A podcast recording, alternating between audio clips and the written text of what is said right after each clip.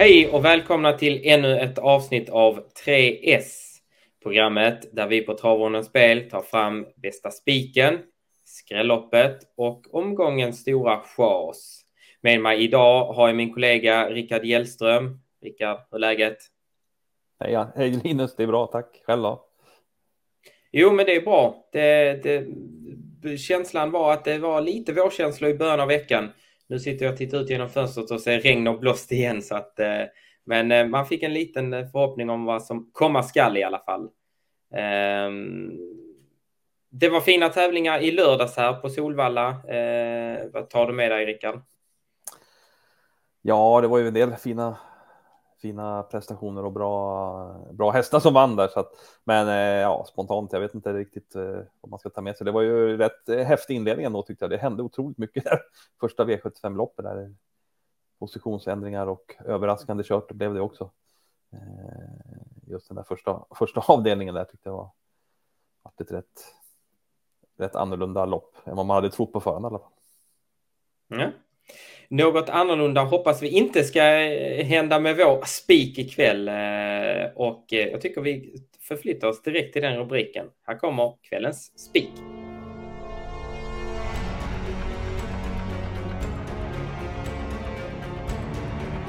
Spiken hittar vi ikväll i, direkt i V86-inledningen och jag läser häst nummer tre, Eldorado, tränad och körd av Truls Andersen. Eh, ja, hur motiverade vi denna, Rickard? Ja, det är ju en häst som har ja, under sin karriär och visat väldigt bra resurser, men inte alltid fungerat som han ska och galopperat bort sig en del gånger. Men han återfinns sedan en tid tillbaka hos Tröls Andersen och eh, han, eh, han verkar ha fått eh, ordning på hästen, i alla fall som det lät inför senaste loppet. Jag pratade faktiskt med Tröls inför den starten på Eskilstuna och han lät väldigt nöjd med hur hästen fungerade. Eh, han skulle då köra väldigt försiktigt. Hästen snabbstartade ju till ledningen och sen släppte han spets precis som han hade sagt att han skulle göra för han ville ändå ge hästen en, en snäll resa den gången. Eh, och eh, ja, det löstes ju bra sen. Luckan kom ju i sista sväng och in mot upploppet så attackerade han och avgjorde ju väldigt lätt. Han plockade ner fighter som hade kopplat greppet in på upploppet och eh, ja, han vann ju på väldigt bra sätt. Så att eh, ja, det där intrycket var ju väldigt snyggt. Nu låter det ju som att Tröls är ännu mer uppåt på vad gäller taktiken här, för han, han har ju en startsnabb häst. Och till skillnad mot förra gången så låter han ju sugen på att köra i ledningen den här gången. Och distansen, ja, den visade att han inte har något problem med förra gången. Så att ja, det här ser ut som spets till att börja med då. Och då tror vi också att Eldorado blir svårslagen från den positionen helt enkelt. Spets och slut i inledningen alltså. Det tar vi alla dagar i veckan. Eh, Man kan ju också Därmed... tillägga att eh, om det nu inte skulle bli så eller någonting så visar ju senast att spets inte är något måste för att vinna. Han är ju väldigt speedy också och klarar distansen där så att eh, det går ju att vinna på andra sätt om det är så. Men favoritscenariot är spets och slut. Yes, oavsett vad, så länge han vinner så är det en bra spik. Och med det går vi vidare till nästa rubrik och det är skrälloppet.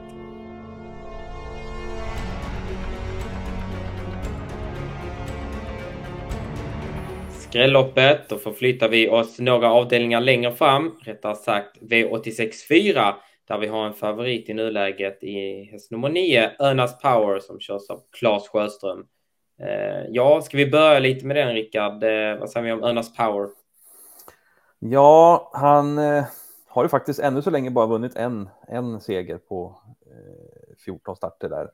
Så att det är ju ingen häst som har radat upp segrar ännu. Men han, ja, han går ju jämnt och stabilt och bra och sist var han ute i ett lopp där han mötte eh, bland annat eh, Erik Lindegrens fina häst Ruger.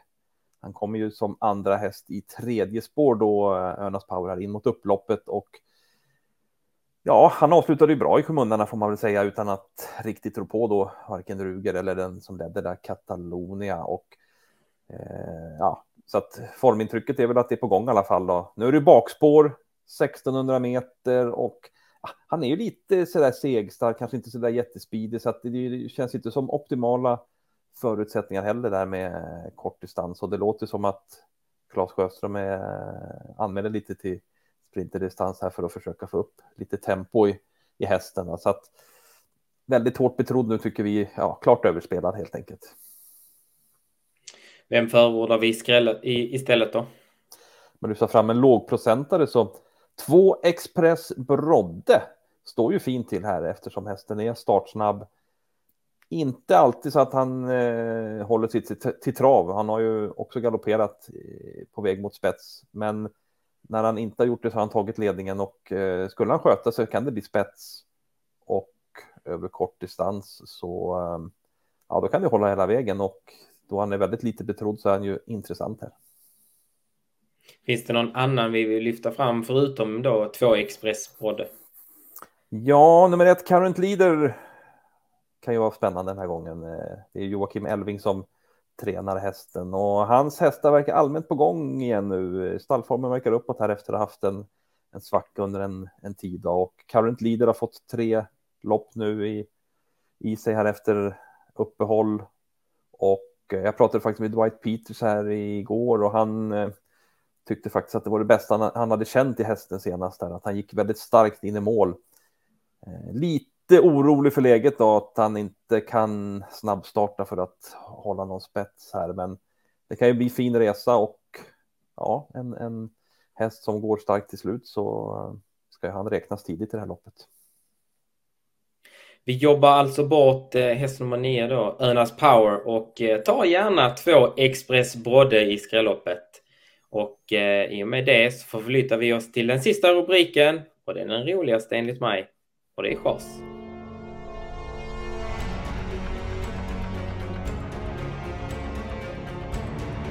Ja, då var vi inne på den sista rubriken, chasen, och eh, vi hittar återigen Claes Sjöström under den här rubriken. Vi var ju inne och pratade lite om honom här med föregående rubrik med Önas Power.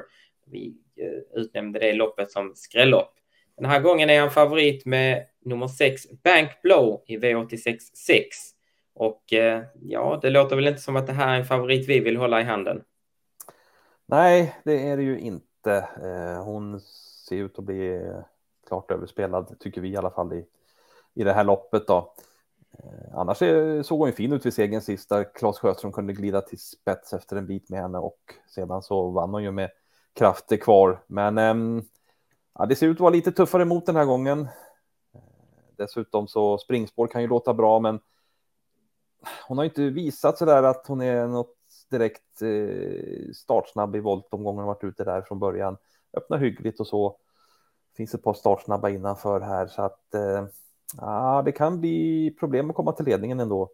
Eh, så att det, det blir hårdare mot och en tuffare resa då så som klar favorit så är hon överspelad helt enkelt.